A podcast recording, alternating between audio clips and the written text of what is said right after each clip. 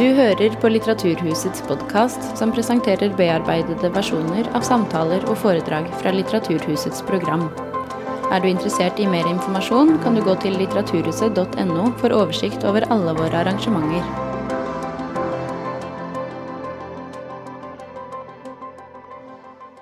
Kjære alle sammen. Velkommen til Litteraturhuset og denne samtalen med Pedro Camón Alvarez, Mastak Shafieyan og Kaja Skjerven Valerin. Mitt navn er Tone Jopla Lunde, eh, og jeg er administrasjonssjef her på Litteraturhuset. Denne kvelden er via erindring, flukt og krig og barnets fortolking og bearbeiding av traumatiske opplevelser. Dystre temaer, med andre ord. Men som løftes, utforskes og transcenderes i skjønnlitteraturen. Mastak Shafieyons roman 'Skinnende døde' skildrer en oppvekst under den åtte år lange krigen mellom Iran og Irak, og samfunnsendringene i Iran i tiden etter den islamske revolusjonen i 1979. Det er en dramatisk barndom med store omveltninger i samfunnet og i familien. Men livet stopper aldri opp, og vi møter en gutt som har dette som sin vante virkelighet.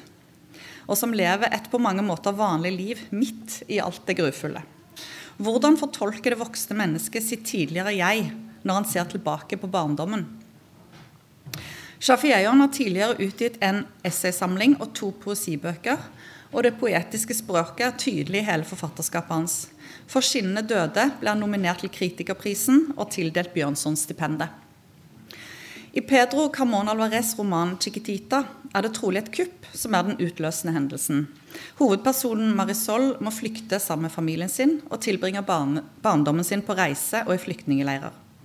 Historien fortelles i bruddstykker fra barnet, den unge voksne og den middelaldrende Marisols synsvinkel. Og stilen speiler problemstillingene som løftes. Kan erfaringene fortelles som én sammenhengende historie? Romanen har fått svært god mottakelse, og Mari Grydland i Aftenposten formulerer det slik. Pedro Camón Alvarez gjør gamle minner nye i sin mørke, men håpefulle flyktningfortelling. Det er en bragd. Carmona Alvarez har over 15 utgivelser bak seg, både romaner, dikt og essays, og har også virket som gjendikter og redaktør. Han har mottatt en rekke priser, bl.a. P2-lytternes romanpris og Tristan Vindtorn poesipris. Kveldens samtaleleder er forfatter og kritiker Kaja Skjerven Målerin, som skal ta oss gjennom denne samtalen om eksistensiell usikkerhet, vold og traumer, men også den barnslige tilpasningsdyktigheten, erindring og tilhørighet. Ta godt imot Pedro Camón Alvarez, Mastak Shafiayan og Kaja Skjerven Målerin.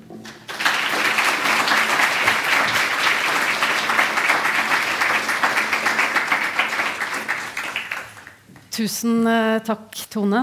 Eh, det er ikke alltid så lett å si eh, når en historie begynner. I kveld kunne vi for anledningen si at den begynner med ordene For et par uker siden, en varm og lys sommernatt i Oslo, våknet jeg av en bris som varsomt blåste over ansiktet mitt gjennom det åpne vinduet. Slik fortellingen starter i Mastak Shafieyans roman 'Skinnende døde'. Eller vi kunne like gjerne si at historien åpner slik den gjør i Pedro Carmona Alvarez roman 'Chiquitita', med ordene 'Det starter med havet'. Der er havet. Dagen er grå. Vinter må det være. Men for hver av jeg-fortellerne i disse bøkene, den ene en mann i 1940-årene Ikke i 1940-årene, men i 40-årene. Helt greit for meg. Også. Holdt på med andre verdenskrig før i dag, skjønner du. Så det går helt i mål her. Den ene en mann i 40-årene, den andre en kvinne i 50-årene. Så starter samtidig historien lenge før de setter ord på den. Og lenge før de bestemmer seg for å fortelle. Den ene om et barn som vokser opp under den brutale krigen mellom Iran og Irak i 1980-årene. Den andre om et barn som vokser opp i et land som skal komme til å rase sammen, som det står, og bli et nådeløst diktatur familien må rømme fra. Vi skal snakke om disse romanene slik de nå foreligger. Men aller først så vil jeg spørre dere hvordan arbeidet med disse bøkene startet. Altså, jeg vet dere begge har holdt på med dette stoffet lenge og på ulike måter. Men hvilke spørsmål var det dere først ble opptatt av, som gjorde at dere begynte å skrive på det som til slutt ble disse romanene? Det er et åpent spørsmål som går til begge. Fint å se deg, Kaja. Og fint å se deg, Pedro. To veldig gode venner som jeg ikke har sett på fire-fem år. faktisk. Helt absurd. Så tusen takk til Litteraturhuset som ordna dette møtet her. Dette er et omfattende spørsmål. Men eh, dere skriver bøker begge vet at når man kommer på en idé som man faller for, så den ideen lar deg ikke være i fred så lenge du ikke skriver den ned. Altså jeg hadde I løpet av alle disse årene jeg har jobba med litteratur, jeg hadde vært veldig opptatt av assistikk, Jeg hadde eh, vært opptatt av å gi ut tidsskrifter og skrevet diktsamlinger. Og så kom jeg til et punkt der jeg hadde et sterkt behov for å skrive noe med utgangspunkt i min barndom. Jeg sier med utgangspunkt i min barndom og ikke om min barndom, for at dette barnet ikke er meg, men vi har veldig mye til felles. Eh, jeg hadde behov for å skrive om 80-tallet i Iran. Dette var en veldig spesiell og viktig tid i Iran. Det var eh, kulturrevolusjon, det var eh, krig mot Irak, det var eh, eh, kjemiske bombinger, det var arrestasjoner, det var massehenrettelser. Det skjedde utrolig mye. Kan du bare, det er sikkert mange her som Ja. er helt oppdatert på denne delen av historien, mens andre er det kanskje ikke. Altså, Kulturrevolusjonen, hva, hva innebar den? Det var det at etterpå etter den islamske revolusjonen så var de nødt til å også Fordi at de visste at tenkning er farlig for dem. sant? Disse Khomeini-regimet. Da var de nødt til å gå løs på venstreradikale på absolutt alle plan. For det første, Pensumlisten måtte redigeres heftig. På andre, universiteter og skoler og på, på, på, på, universiteter på alle skoleplan. Uh, venstreradikale eller venstreorienterte opposisjonelle lærere, professorer, alle fikk sparken. Mange ble arresterte, osv. osv. osv. Ja. Det var jo eh, fysiske angrep på universitetene mot, mot opposisjonelle studenter. Det var veldig barokt. skjedde veldig, veldig mye. Og for meg spesielt var også den tiden viktig, for at det er jo den tiden jeg vokste opp sjøl. Jeg ble født i 1980, som de sier. Straks krigen mot Irak begynte, eller omvendt. at det begynte straks jeg ble sånn. Og så var de første åtte årene i livet mitt det var krig. Det var sånn at Da krigen tok slutt i 1988, så var det bare sånn, det var et vakuum der. Det var veldig uvanlig for meg at du har en hverdag der det ikke faller bomber. Skjønner du? Og ikke minst var det viktig for meg å kanskje vitne om disse vakre menneskene. Fine sjelene som jeg har skrevet om i min bok. Genuine mennesker som gjorde et uh, genuint forsøk på å forandre tingenes tilstand. Gjøre verden til et bedre sted. Uten å forvente å ha noen plass i verden. Det var bare sånn De var, de var, de var sanne sjeler, rett og slett. Uten å få det til. Mange av dem ble henrettet. Mange av dem ble arrestert. Eh, mange av dem mista jobben, og mange av dem forsvant i sin egen skygge, ble narkomane, alkoholiserte osv. Jeg hadde lyst til å vite om at disse menneskene fins, for at mange av disse menneskene kjenner jeg personlig også. har kjent personlig. Jeg har sett, sett hvordan de lever, jeg har sett hvordan de lider. Eh, det er derfor jeg et par steder også i et intervju med Morgenbladet har kalt denne boka for en form for litteratur som nærmer seg kanskje vitnesbyrdlitteratur. Men dette kan vi også komme tilbake til. Og det var viktig for meg at dette skulle fortelles gjennom et barn, men også dette kan vi snakke seinere om. Ja. Bare, bare, veldig mange av disse Ja, temaene ja, kommer vi tilbake til også, fordi ja, det tangerer eh, Pedros eh, bok. Men, men bare spørre deg også kort uh, uh, Sjangeren. Det ble en roman som du ikke har skrevet tidligere. Hvorfor måtte det bli det? Og ikke et essay eller, eh, eller dikt eller uh, dette kan vi komme tilbake til, men jeg bare sier at uh, erindringslitteraturen som sådan har opptatt meg lenge. Jeg har vært veldig opptatt av det. Og jeg hadde bare lyst til å skrive en sånn eh, roman som er preget av erindringen som form. Vi kommer tilbake til det. Ok. Ja. Ja. Da har vi lagt mange forventninger Ja, ja, samtalen sånn nå. ja, Eh, Pedro, hvordan var dette for deg? Ehm, nei, jeg har vel um, tenkt som så at uh, altså, For meg så var denne boka skrive, Skriveboka var, uh, gikk veldig fort.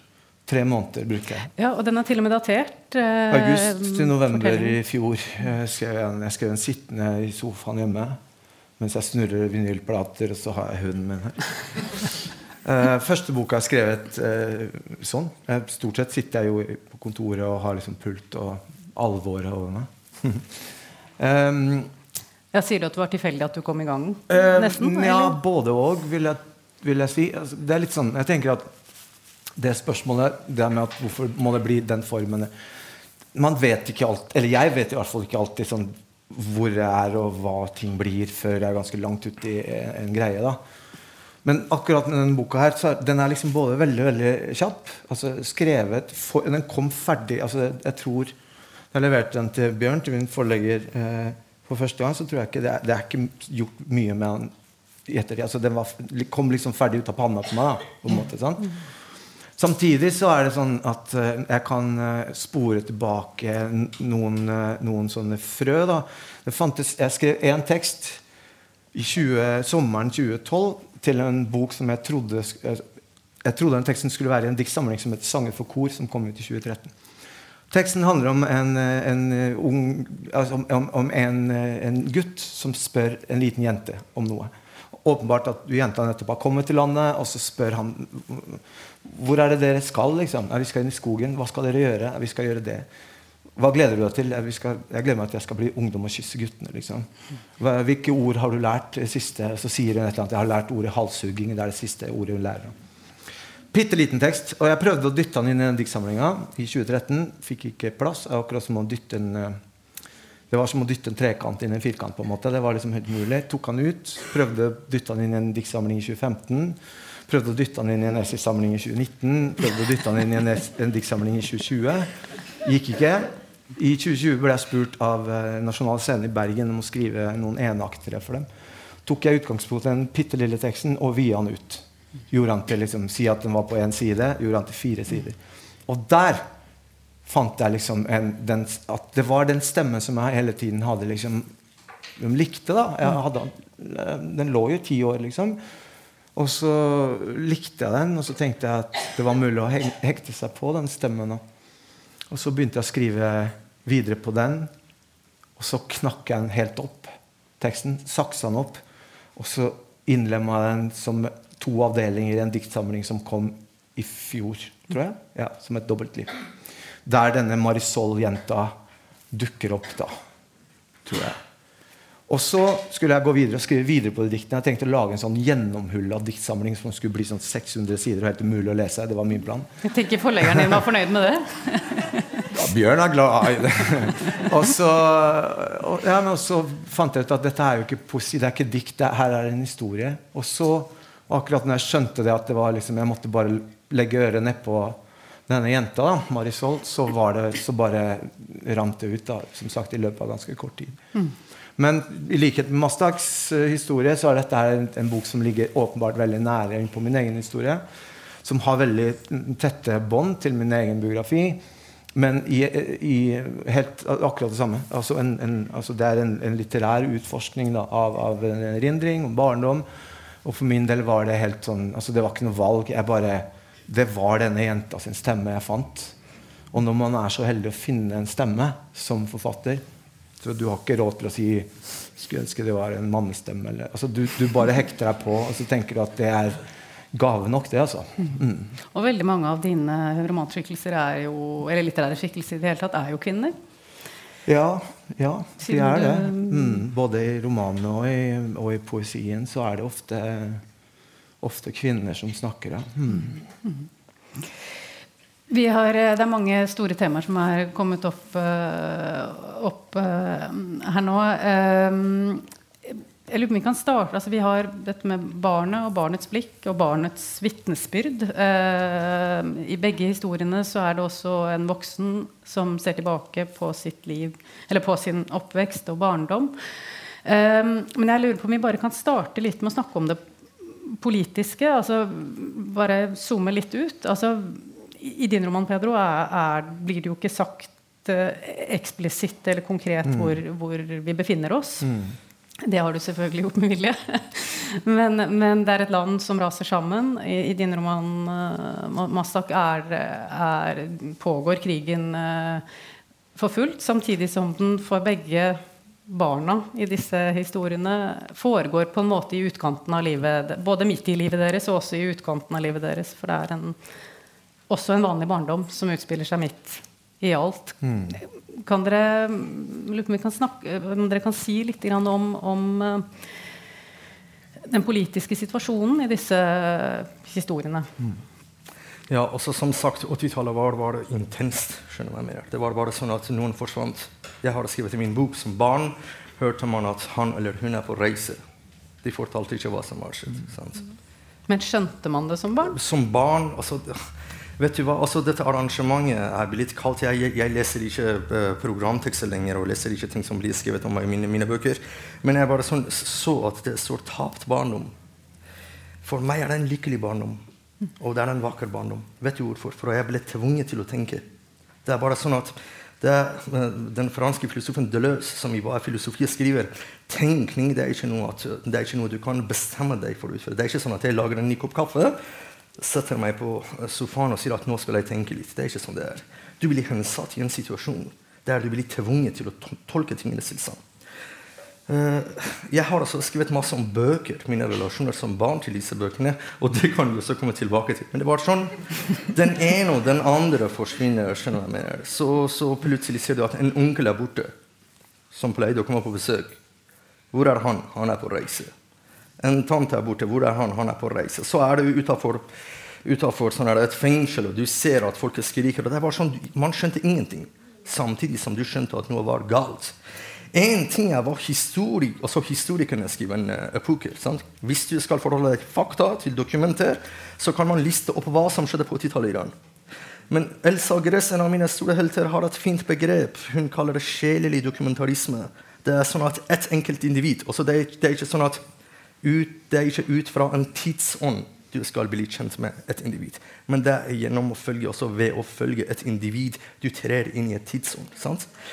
Og så En ting er fakta og dokumenter, en annen ting er hvordan denne hovedpersonen opplever situasjonen sånn som det er. Sant? Det er masse masse usikkerheter. Folk forsvinner. Det at det er krig, det er ikke noe så veldig veldig gåtefullt. For det faller bomber.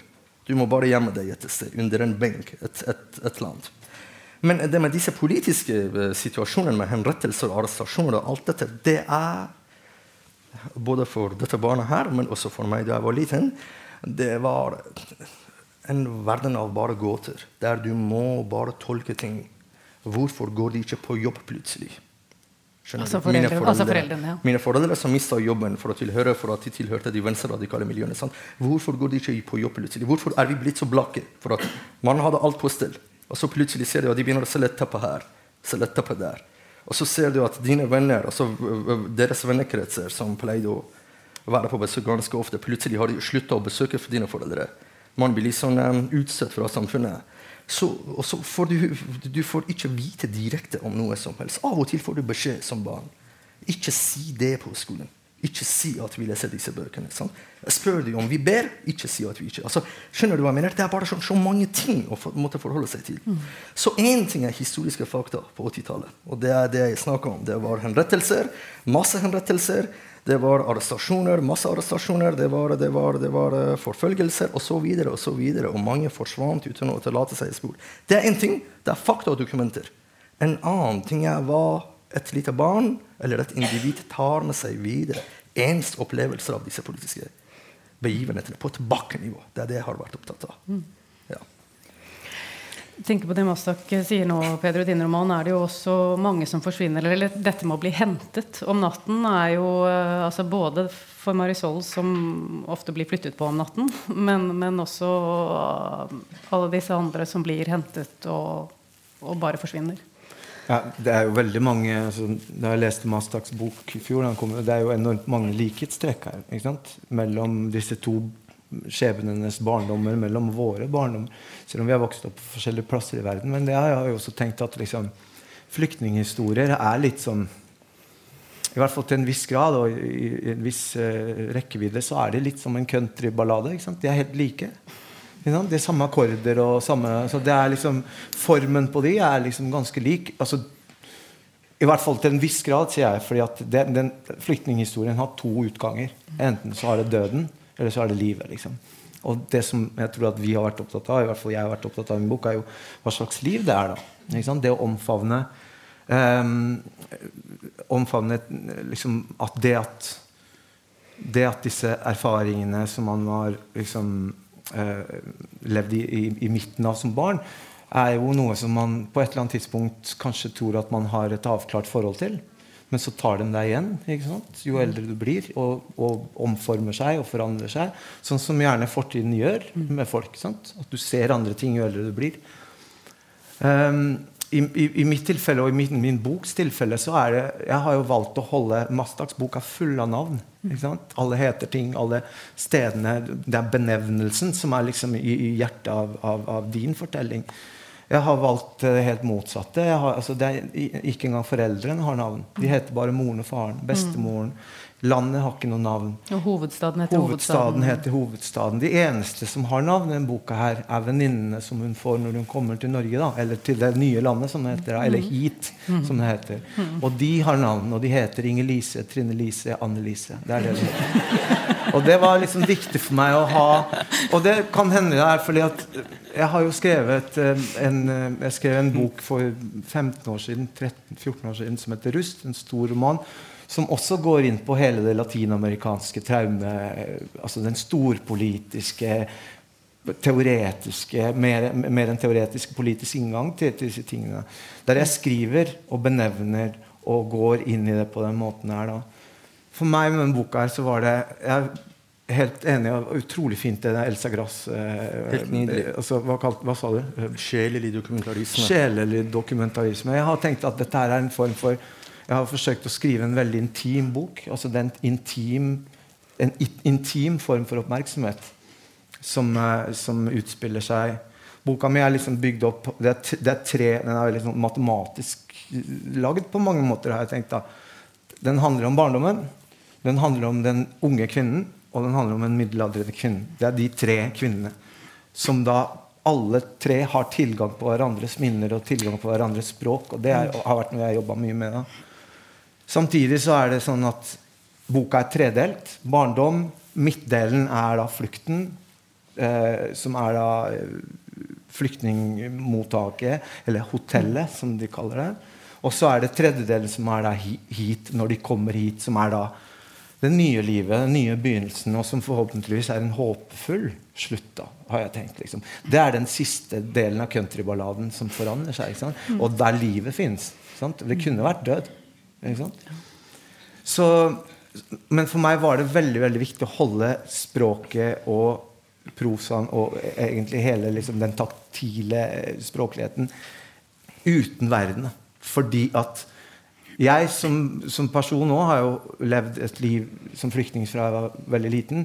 Og hver gang jeg har liksom, når, når jeg snakker om disse tingene, så er det nettopp verden jeg snakker om nasjonalisering av kobberindustrien og telefonselskapene. ikke sant? Uh, um, militærkuppet og flyene, og hvor de fikk pengene fra CIA, altså innblanding, og Allende og Pinochet, og torturen og Atacama-ørkenen. Alt dette er skrevet om og holdt på med hele livet. Sant? I denne boken her så vil jeg at for at, Skrivingen for meg er jo ikke bare et sted der jeg kan komme til med mine ting og forvandle dem forhåpentligvis til noe annet enn bare sørgen. Men det er også et sted der jeg kan man kan gjemme seg. Man kan liksom la være å si noe. I boka mi og i boka di òg. Altså alt det du snakker om med disse her eh, eufemismene De var på reise, eller de, de ble hentet. Altså det, er, det, det, er, en veldig mild måte å si ting på, som ikke går an å fatte for et barn. Mm. Så det er jo også det her med Hvordan lever man med et språk som i utgangspunktet har vært så forkvakla som det var? da? Der ting het, altså i, i, Chile har vi liksom En av de store konsentrasjonsleirene heter jo Verdighetskolonien. Ja. Ikke sant? Hva gjør man i en sånn språklig virkelighet? Som barn har man jo ikke mulighet til å gjøre så mye annet enn å observere og tenke og hensette seg sjøl i en situasjon hvor du faktisk ikke har noe valgt å tenke, til å gjøre annet å tenke. Men som voksen så begynner du å nøste opp i disse tingene og begynner å pelle dem og tenke at hva, hva, hva skjedde egentlig, da? Og det er um, Det er på en måte der hun jenta har vært god for meg å ha. Da. Som en slags eh, slags eh, følgesvenn. En slags vergel. Mm, mm. Du snakker om barnestemmen Og det at Jeg kom på én ting, Kaja. Mm. Altså, erindring og barnestemmen. sant? Også jeg har vært opptatt av det. Altså, når man ser på um, erindringslitteraturen, og vi snakker om um, la, oss, la, oss, gå tilbake til Augustin sant? og Jean-Jacques Rousseau med bekjennelser. fordi når vi snakker om erindring, så er også bekjennelser også en del av erindringslitteraturen. For de snakker om sin barndom. De snakker om sin ungdom. Sant? En ting som jeg synes var veldig interessant eller opp gjennom alle disse årene jeg har lest disse bøkene, er dette. Og så, De skriver om sine barndommer. Alt fra Augustin til, til Jean-Jacques Rousseau til, til, vår egen Inger, Inger Hagerup til uh, Elsa Gress osv. Men også, de skriver mye morsomt, mye kødd, rett og slett, sant, som barn. Altså Augustin, Den fantastiske passasjen der Augustin stjal pærer. Og så sier han bare 'Gud, tilgi meg'. Jeg var ikke så veldig glad i pærer. Jeg bare kasta det til grisene. Men det var bare så gøy å stjele. sant? Og så Rousseau stjal også frukt og plaget dyr. Moret seg med å plage dyr. Men også uh, en fantastisk passasje der det var en nabo av den lille Jean-Jacques, som het Madame Coté. Choté, jeg husker ikke det. Som uh, den lille Jean-Jacques mislikte sterkt. Og det var sånn. Han ventet til at hun forlater leiligheten og går til kirken. Og med en gang hun forlot leiligheten, så snek han seg inn i leiligheten hennes og tissa i gryten hennes. Sant?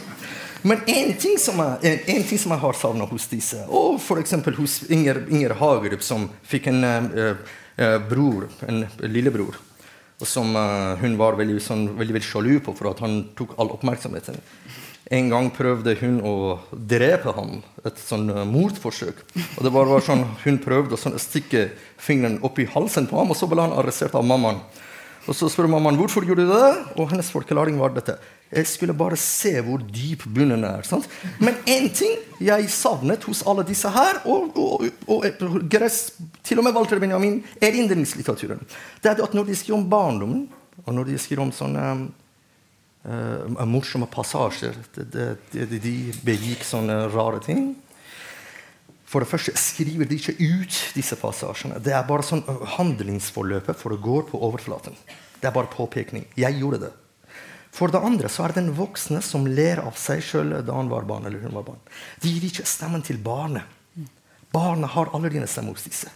Hva om, lille, hva om Rousseau hadde gitt stemmen til barnet? Og så fortell hvordan det var å tisse i, eh, tisse i gryten til Madame Coté. Skjønner du hva jeg mener? Det hadde vært mye mer morsommere. og det hadde vært så mye mer kødd. Og jeg var veldig opptatt av at uh, ting skal være litt køddete i denne boka. her. Og det skal være en dialektikk mellom barnet som snakker, og den voksne som snakker om dette. For eksempel har jeg et par passasjer der, der barnet går forbi de rikes hus og ser for seg hvordan det ser ut hjemme hos dem.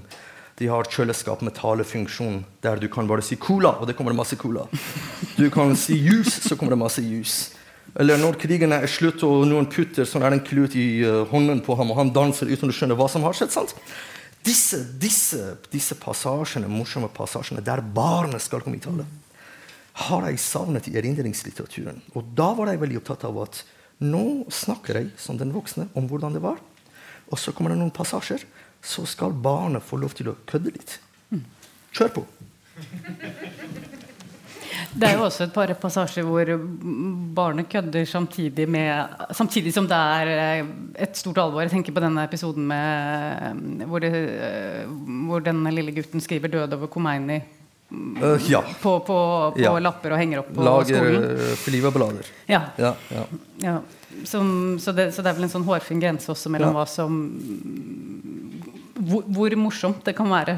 ja, som sagt, en dialektikk, ja. men det er bare sånn uh, Heller enn at man skal le av seg selv, så er det fint om leseren ler av hvem du var.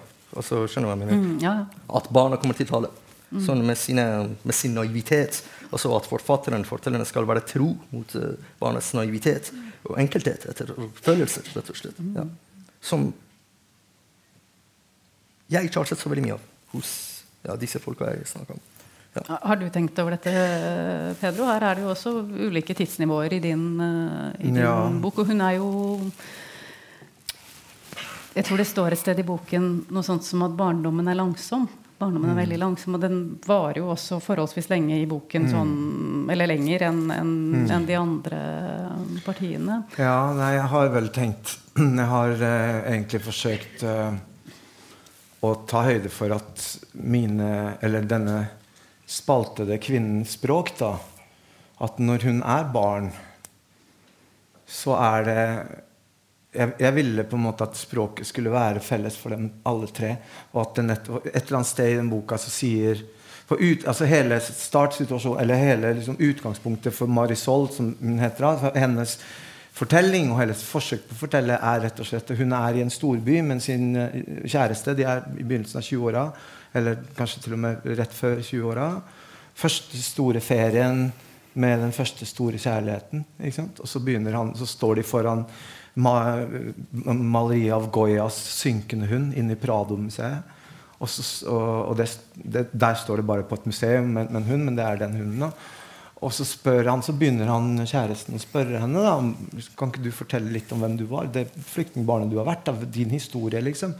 Og da, Det er jo da hun rakner fullstendig, og så, forsøker, så er egentlig resten av boka en slags rest eh, et, etter den gjenfortellingen.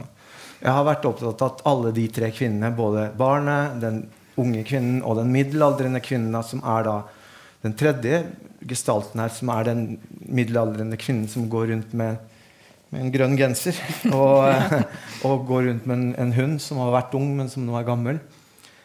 Og, og går til en kvinne som vi må anta er en slags terapeut, da, og snakker om disse tingene. Jeg ville at språkene skulle være åpne, at skulle, eller at de skulle være gjennomhullede for hverandres erfaringer. Gutten som hun er på ferie med, sier til Marisol et eller annet sted at du er jo en kvinne som er besatt av fortiden. Så sier hun ja, men jeg er også et barn som er besatt av framtiden. Og det har vært viktig for meg. At det et eller annet sted i denne fortellingen som, og som avviker fra hvordan livet er, da, så skal det kunne gå an å bevege seg fremover Og se altså dette refrenget som går igjen i boka mi, de tre ordene 'senere, senere, senere', som er frampek, som er det å sende blikket framover i historien og si at foran der så finnes jeg i en annen gestalt, i en annen form. Det har vært veldig veldig viktig for meg. Og samtidig så har det vært viktig for meg å Dette har vært en bok som Det eneste jeg har hatt ønske om å skrive en bok som, har vært, som er så melankolsk og, og sørgelig og trist som mulig. Liksom. Mm. Rett og slett fordi at det er det kravet hun kommer til meg med. Når jeg åpner opp hennes stemme og lar henne få lov til å ta på seg mitt liv som kappe, men også veldig, veldig mange andre folk sine liv som kapper. Og ikke skrive inn noe forsonende? Eller, altså, ikke noe forsonende, og ikke heller vike nettopp fra det der eh,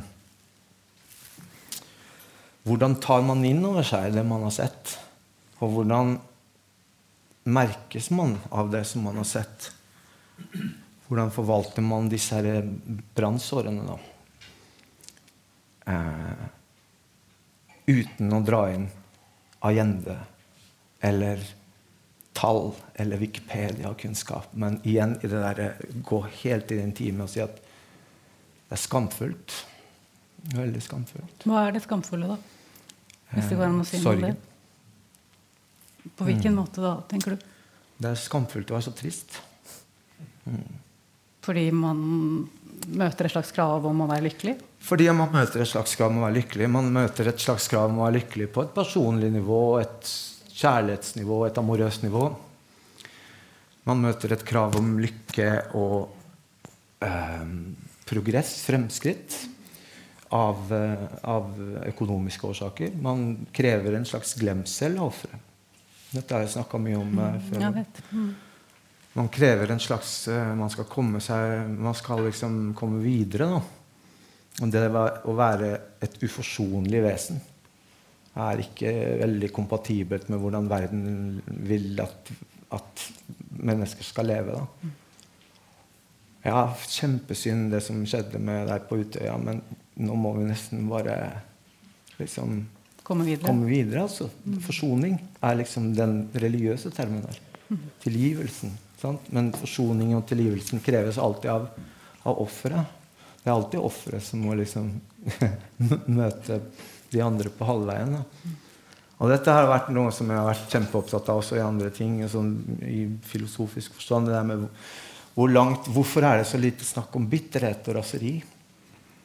eh, i, i, disse diskursene her, da. Mm.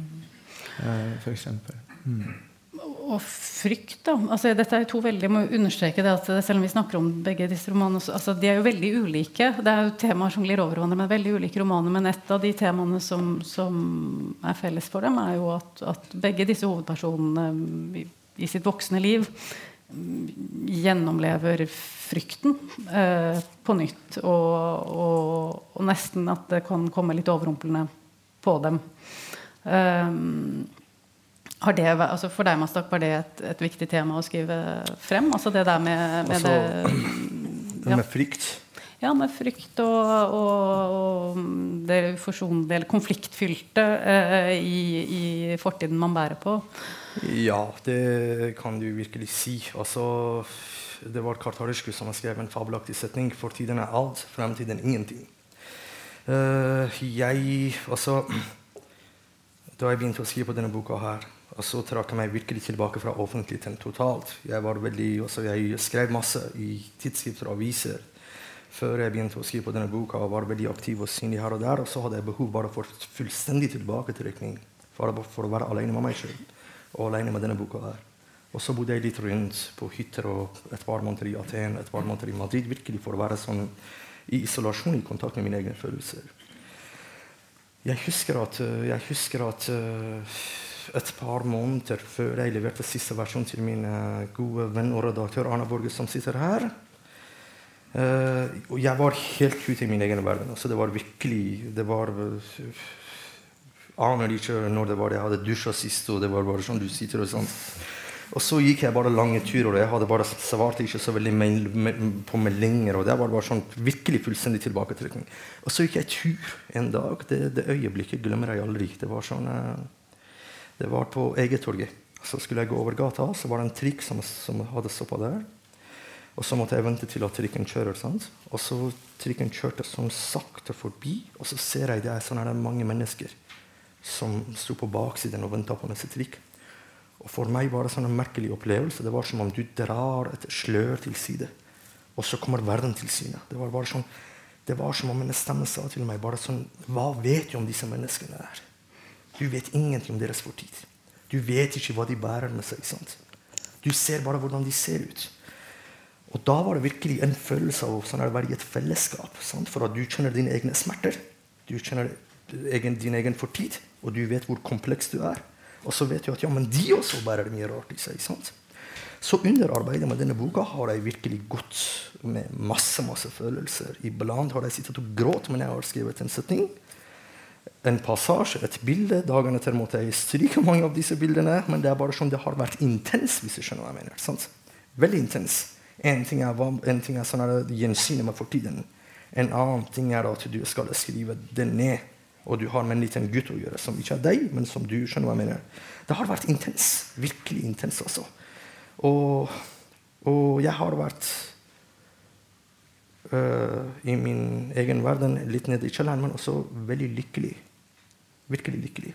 Det er bare sånn når du har med en fortid å gjøre som var, masse, som var full av smerter osv., men du, hadde, du fikk masse omsorg. Du var i hjertet av verden. Du fikk eh, konsekvensene av politiske begivenheter i din egen familie i hverdagen. Du hadde med venner å gjøre som var fulle av kjærlighet. Du lærte hvordan du skal ta stilling til, til, til, til, politiske spørsmål. Når det er åtte år. Du lærer hva du skal tenke om det ene og det andre. Skjønner hva jeg mener? Når man i Iran snakker om politikk, det er ikke snakk om hvilket parti du skal stemme. Men det er bare det at du må passe på at det ikke skal gå galt med deg. Skjønner hva jeg mener? Mm. Det er jo, så ja, det har vært masse masse følelser. Masse, masse følelser. Uh, det har vært vondt, og det har vært vakkert å skrive denne boka. her, Absolutt. Jeg lurer på om vi skal uh, få høre litt fra disse bøkene. Om dere kan lese et lite utdrag uh, hver? Ja. Vil du begynne? Er det, ja. er det greit å stå? Absolutt. Ja, fint.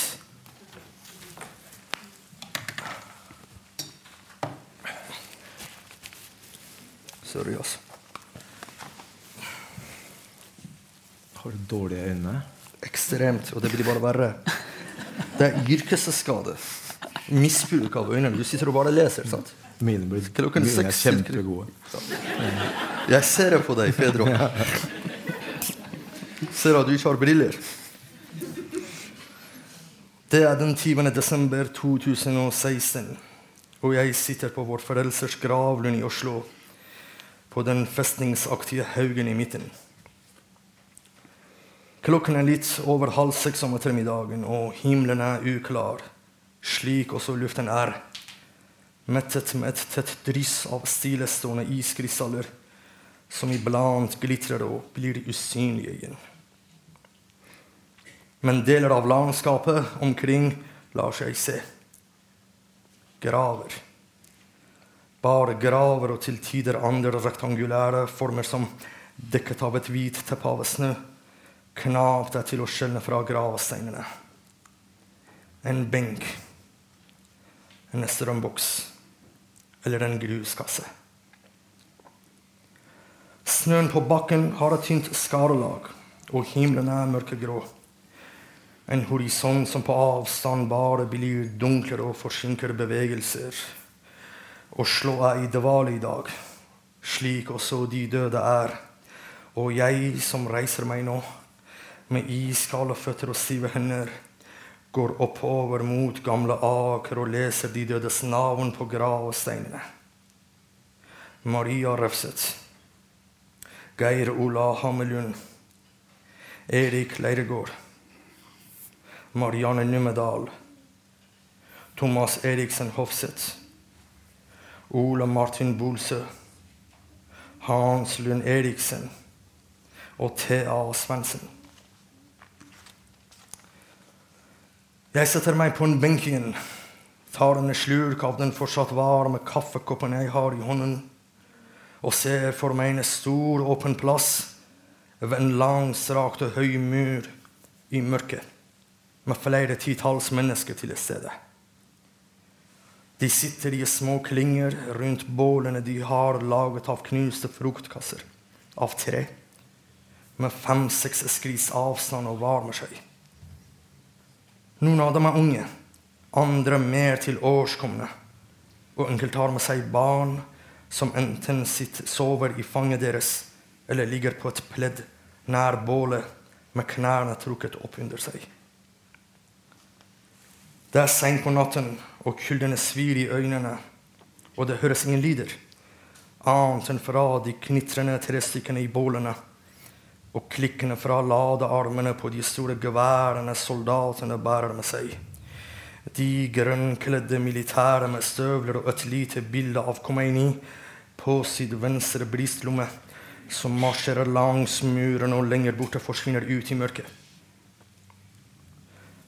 Nå og da oppfanger man også ord og bruddstykker av samtaler mellom hviskende folk. Hvor lenge har han vært der? Er det søsteren din? Din far? Hvor kommer du fra? Vil du ha en kopp te? Og deretter bruset fra en termos og lyden av knasende frost idet noen nærmer seg eller fjerner seg. Det er utenfor Evin-fengselet i Teheran 30 år tilbake i tid. Jeg er syv år gammel og venter der i kulden sammen med moren min. Jeg vet ikke når jeg sovnet. Jeg våkner bare på et tynt teppe rett ved flammene og må på do og sier det til mor, som sitter rett bak meg sammen med to-tre andre mennesker. Jeg er svært varm over brystet, men kald på ryggen ettersom jeg har ligget med ansiktet mot ilden. Like fullt er det først når mamma og jeg går bort fra bollet og i retning av mørket bortenfor, at jeg kjenner hvor uutholdelig kulden er, særlig når vinden gufser mot skinnene. Derfor gjemmer mamma meg under sjadoren sin mens vi går videre, noe som gjør at jeg blir litt varmere, men mister landskapet omkring av syne. Jeg ser bare mors legger og føtter, som jeg prøver å gå i takt med før hun etter et par minutter, og lik en fugl som jeg slår ut med vingene, løfter kappen og slipper meg ut. Og jeg åpner øynene, ikke til soldaten og muren lenger. Her jeg står, i denne bratte nedoverbakken mamma har tatt, har tatt meg med til, ser jeg bare bulvarer og skinnende avenyer, Blinkende prikker fra hus og et mylder av bil biler som lik lysende mikrober i mikroskop beveger seg raskt på alle veier og fyller nattens stillhet. Jeg hører trafikken, den svake lyden av tutingen og de summende motorene, hvor også bønneropet plutselig gjaller i det fjerne. Allah akbar. Gud er stor. Gud er stor. Det finnes ingen annen gud om enn Allah. Jeg vitner om at Muhammed er Allahs sendebud. Allah akbar. Og jeg snur etter å ha tisset ryggen til det fantastiske utsynet igjen. For å gå tilbake til mor som står der ute i mørket og venter på meg. Uten at jeg med kragen brettet så langt opp som det lar seg gjøre, ser henne noe sted. Jeg roper bare 'mamma', og stemmen min svinner i blåsen som nå er hard og vond, inntil jeg, etter noen skritt, våger å løfte ansiktet i kulden igjen for å ta en ny titt samtidig som jeg kjenner det til et dryss av noe vått mot kinnene og oppdager noe jeg ikke så for et øyeblikk siden. Der oppe, på bakketoppen, hviler en blendende sky av lys som jo nærmere jeg kommer toppen, bare blir det sterkere. Og gjennom den, når jeg først kniper øynene sammen, ser jeg en stor, svart flekk tre frem, langsomt og skjelvende som et sort flagg, omsvermet av virvlende snø fyller i alle retninger. Det er min mor som står der oppe og speider ut i horisonten uten å legge merke til meg, mens bønneropet gjentar 'Allah akbar', og sjadoren hennes blafrer sterkt og rask i vinden, som om hun sto i en ild av svarte flammer. Hun står bare der, og ansiktet hennes er formørket i den veldige glorien fra baksiden som når jeg er fremme på toppen, viser seg å komme fra lyskasteren en soldat holder i hånden. Han som befinner seg i en liten vaktbu over muren bak henne og kaster lys over oss, inntil det blir svart overalt og jeg mister omgivelsene av synet igjen. Mamma gjemmer meg under sjadoren sin, og vi går tilbake dit vi var, til de andre menneskene rundt bålene. Takk. Kan jeg ta det, eller? Vil du ha det? Skal jeg, bare gå på? Tusen takk, eh, Mastak. Det er bare gå rett på, du, Peder. Jeg står her, for jeg liker å gjemme meg. Kjør på.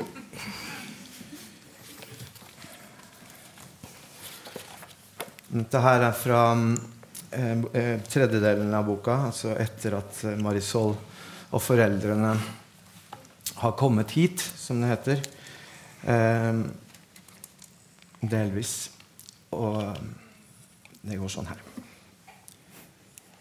Snart kommer vinteren, sier venninnene. Det blir mørkere og mørkere for hver dag. Nå er det til og med mørkt når vi går gjennom skogen om morgenen. Jeg sitter ved vinduet i klasserommet og ser hvordan verden lysner mens vi har mattetime. Jeg lærer at mørket ikke er farlig når man er et barn. At ingenting fælt skjer om man går gjennom skogen i skumringen som barn. At livet ikke er et skrekkelig eventyr for barn. Jeg liker det så godt. Jeg er et vanlig barn som leker med venninnene. De ser på meg og kaller meg Mari, for de syns at navnet mitt er rart. Marisol. Det er ingen som heter sånt her. Men når de bare uttaler halve navnet mitt, da er det ikke så rart lenger. Mari, Mari, Mari. Sånn sier jeg ha det til navnet, og får et nytt. Senere, senere, senere tenker jeg mye på det som er igjen av barnet. Halve navnet når jeg blir voksen. Når jeg er en middelaldrende kvinne i en grønn genser, utmattet og gjennomhullet. Det er så mange revner i livet. Er jeg en sånn som desperat har prøvd å tette dem? Eller har jeg bare satt meg ned, melankolsk og utladet, og latt det hele beseire meg? Gjennomhullet gårsdag, gjennomhullet jentunge med vått hår i det nye regnet. Gjennomhullet, bladrik høst. Et halvt navn som en soldat, forberedt til vinteren som snart kommer helt plutselig en dag. Jeg har aldri sett snø. Den kommer en dag i slutten av oktober når jeg våkner og ser ut av vinduet, og alt er hvitt og stille utenfor. Jeg løper ned trappene, og venninnene står som astronauter i nysnøen og venter på meg. Og de peker og forklarer og ser oppover mot de dalende snøflakene, svære som skilpadder, der jeg står og ser mot himmelen i en evighet. Det ser ut som om hele verden holder på å bli dekket av papirbiter. Som om Gud var misfornøyd og rev i stykker et ark. Jeg får skikkelig vintersko, vinterjakke, votter og skjerf. Jeg er et vanlig barn med vanlige klær og smeltende snø i håret. Med venninner som lærer meg ord som klatte, kram, sludd. Venninnene lærer meg å lage snøhuler, snøengler, snøballer og snømenn. Og gå på isen nede ved bekken uten å plumpe. De sier at jeg aldri, aldri må spise gul snø. At det er en regel. En dag sier en av venninnene jeg tror han ser på deg. Jeg tror han liker deg. Gutten med vått hår etter gymtimen. Gutten med capsen der logoen på bilforretningen Farens eier står skrevet i skråstilt gullskrift. Gutten med den avlange, blå våtmannen i hånda. Han som sitter på gresset og ser på de andre guttene spille fotball i storefri. Venninnen og jeg går ned i boden hennes for å hente frem jentesykkelen som har stått hele vinteren. Det er rett før påske. Snøen har begynt å smelte. Istappene henger lange og farlige og dryppende fra takrennene utenfor klasserommet. Og så tar vi oss strømpebuksene i midttimen, for det er altfor varmt ved vinterklær nå. Lykken lusker etter meg. Jeg liker så godt at han gjør det. Senere, senere, senere er jeg hos en kvinne som jeg snakker med. Først sitter hun på en stol og noterer og lar meg snakke og holder blikket fast i meg. Det liker jeg godt. Jeg liker ikke blikk som flakker, som stikker av, blikk som leter etter en utvei. Jeg har kommet hit med frykten min og sier jeg trodde frykten forsvant da jeg kom hit, at den fordampet mellom venninnene, mellom hverdagene på skolen, mellom ordene jeg stadig lærer, mellom de snille damene fra kommunen som sørger for at moren og faren får seg jobber som du begynner å gå til. Men så kom frykten tilbake, sier jeg. Eller kanskje den bare hadde gjemt seg. Kanskje det er min egen feil, at jeg glemte den, og så vokste den seg stor og glefsende som et bortgjemt, innesperret dyr som en slags sult. Hvor kommer similene fra? Jeg svarer at jeg ikke vet. Hvor tror du de kommer fra? sier hun. Jeg svarer at jeg ser etter likheter mellom vanlige og uvanlige ting. Mellom en utstoppet hest og en hodeløs mann. De deler vel en slags stillhet, sier jeg. Et alvor. En skam over å være i en slik tilstand. Hva slags tilstand? spør hun. Døden, sier jeg. Men du vet at det ikke stemmer. At de døde er døde. At de kan ikke skamme seg. Nei, sier jeg. Det vet jeg ikke. Lykken lusker etter meg.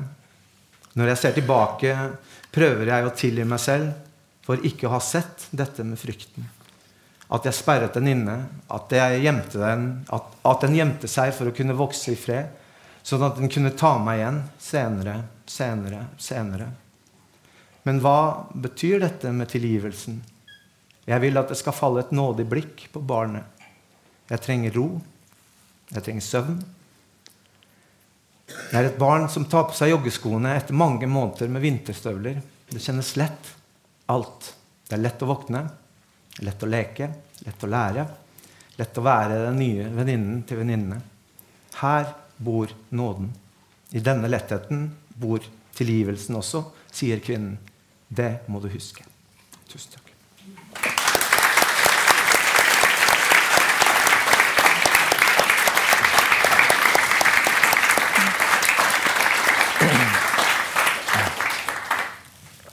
Tusen takk til dere begge. Eh, ja, det er ikke så lett å fortsette samtalen som om ingenting nå, så det er kanskje like greit at vi nærmer oss, nærmer oss landing, for det gjør vi. Men, eh, men, jeg tenkte på det du sa, Pedro, om eh, countryballadene. Uh, altså noe av det som gjør disse, hver av disse bøkene helt enestående, er jo, som alle har hørt her nå, den språklige egenarten. Altså Og begge eh, bøkene er jo preget av et, et, et veldig billedrikt språk. Så jeg vil spørre dere på slutten her nå, hvorfor det måtte bli sånn. Er det poeten i dere som uh... Altså For meg er denne store bilder. Altså Bilder er alt for meg. En ting er Hvis det kommer en kamel Det er ikke det at kamelen kommer, som er litteratur, men hvordan kamelen kommer. Skjønner du? Om det kamelen kommer mot en silhuett, om kamelen halter, bærer kamelen noe, drypper av munnen på kamelen Det er det som er litteratur. Jeg har vært veldig opptatt av bilder. Fremdeles er jeg det. Men det er ikke, altså, en ting er bildene, som er veldig vanskelig og viktig for meg. Men en annen ting som er gratis slankekur man går ned i vekt av å arbeide med, det. Det er overgangene mellom disse bildene. skjønner Du Og jo, du, du, du har et bilde der, sant? og så må du ha en overgang. Og disse overgangene det skal ikke være overflødige. Det skal være også god litteratur, men det skal være et, annet, et annet materiale. Annet stoff. Så må du bane veien for det neste bildet. Og så kommer det, og det skal sies da, når man får det til, så er man lykkelig. Sant? Altså, da, da tenner du en røyk, og verden er fantastisk. sant? Men veien på vei til det bildet der, og når du lager de overgangene uh, For meg er bilder alt. Altså, den store litteraturen. Altså, hvis noen spør meg om Nabokov, så husker jeg tre bilder. Ikke resten av forfatterskapet. Jeg vet hva det er, men det er, det er bilder jeg husker. Hvis noen sier Wolf, så husker jeg bilder. Altså, for meg er bilder alt. Og jeg har vært veldig opptatt av bilder, og fremdeles. Og takk for at du sier det, for at jeg var veldig veldig opptatt av at denne boken skulle være preget av bare bilder. Mm. Og de slankekurovergangene. ja, du sa jo selv, Pedro, hvor kommer smilene fra? Det er et, også et tilbakevendende spørsmål i boken din. Jeg er helt enig for meg òg. Altså, det her med å skrive er jo Og, og, og for meg musikk, som jo også er noe, det er alt er, det er fryktelig, fryktelig optisk. Det er liksom poesien altså, Tilværelsens poesi ligger i glimtet. Liksom. Hvordan ting ser ut. Altså, og igjen der, uh, den der gamle visen om at det fins liksom to typer lesere. Den der, Eh, den leseren som er interessert i hva som skal skje. Om Pinocchio kommer til å bli en gutt av kjøtt og blod, eller om kaptein Akab fanger hvalen eller ikke. Så er det, det er de som er interessert i den, altså hva som skal skje. Og så er det en, en, annen type leser som da selvfølgelig er opptatt av det også, men som er opptatt av et, et hvordan i tillegg. Hvordan det som skjer, er fortalt til deg. Hva slags grep som er brukt da. Og, og glimtet, blikket, synet altså Min bok handler i veldig Og, og Mastaxi nå vil jeg påstå. Men eh, det der med at dette er jo folk som har sett noe. Altså sett ting som, er, som du bruker resten av livet ditt på å liksom organisere. Hvordan du skal se på dem en gang til.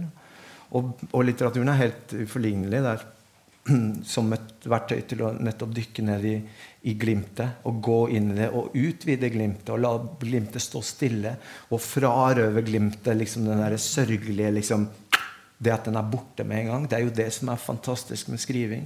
Og lesing, ikke minst, som jo egentlig er akkurat det samme. Men at du kan rett og slett eh, ja, bevare det som er vekke. Ja, det der som du sa helt i begynnelsen. Jeg tror hele forfatterskapet mitt går ut på akkurat det samme. Gi verdighet, gi en stemme. Altså den der gamle Det der med å liksom bare Hvis jeg ikke holder kjeft om det, så, så lever det litt til, liksom. på en måte sånt. Det er fint, det. Mm. På den eh, noten tror jeg vi rett og slett eh, runder av. Tusen takk til dere begge.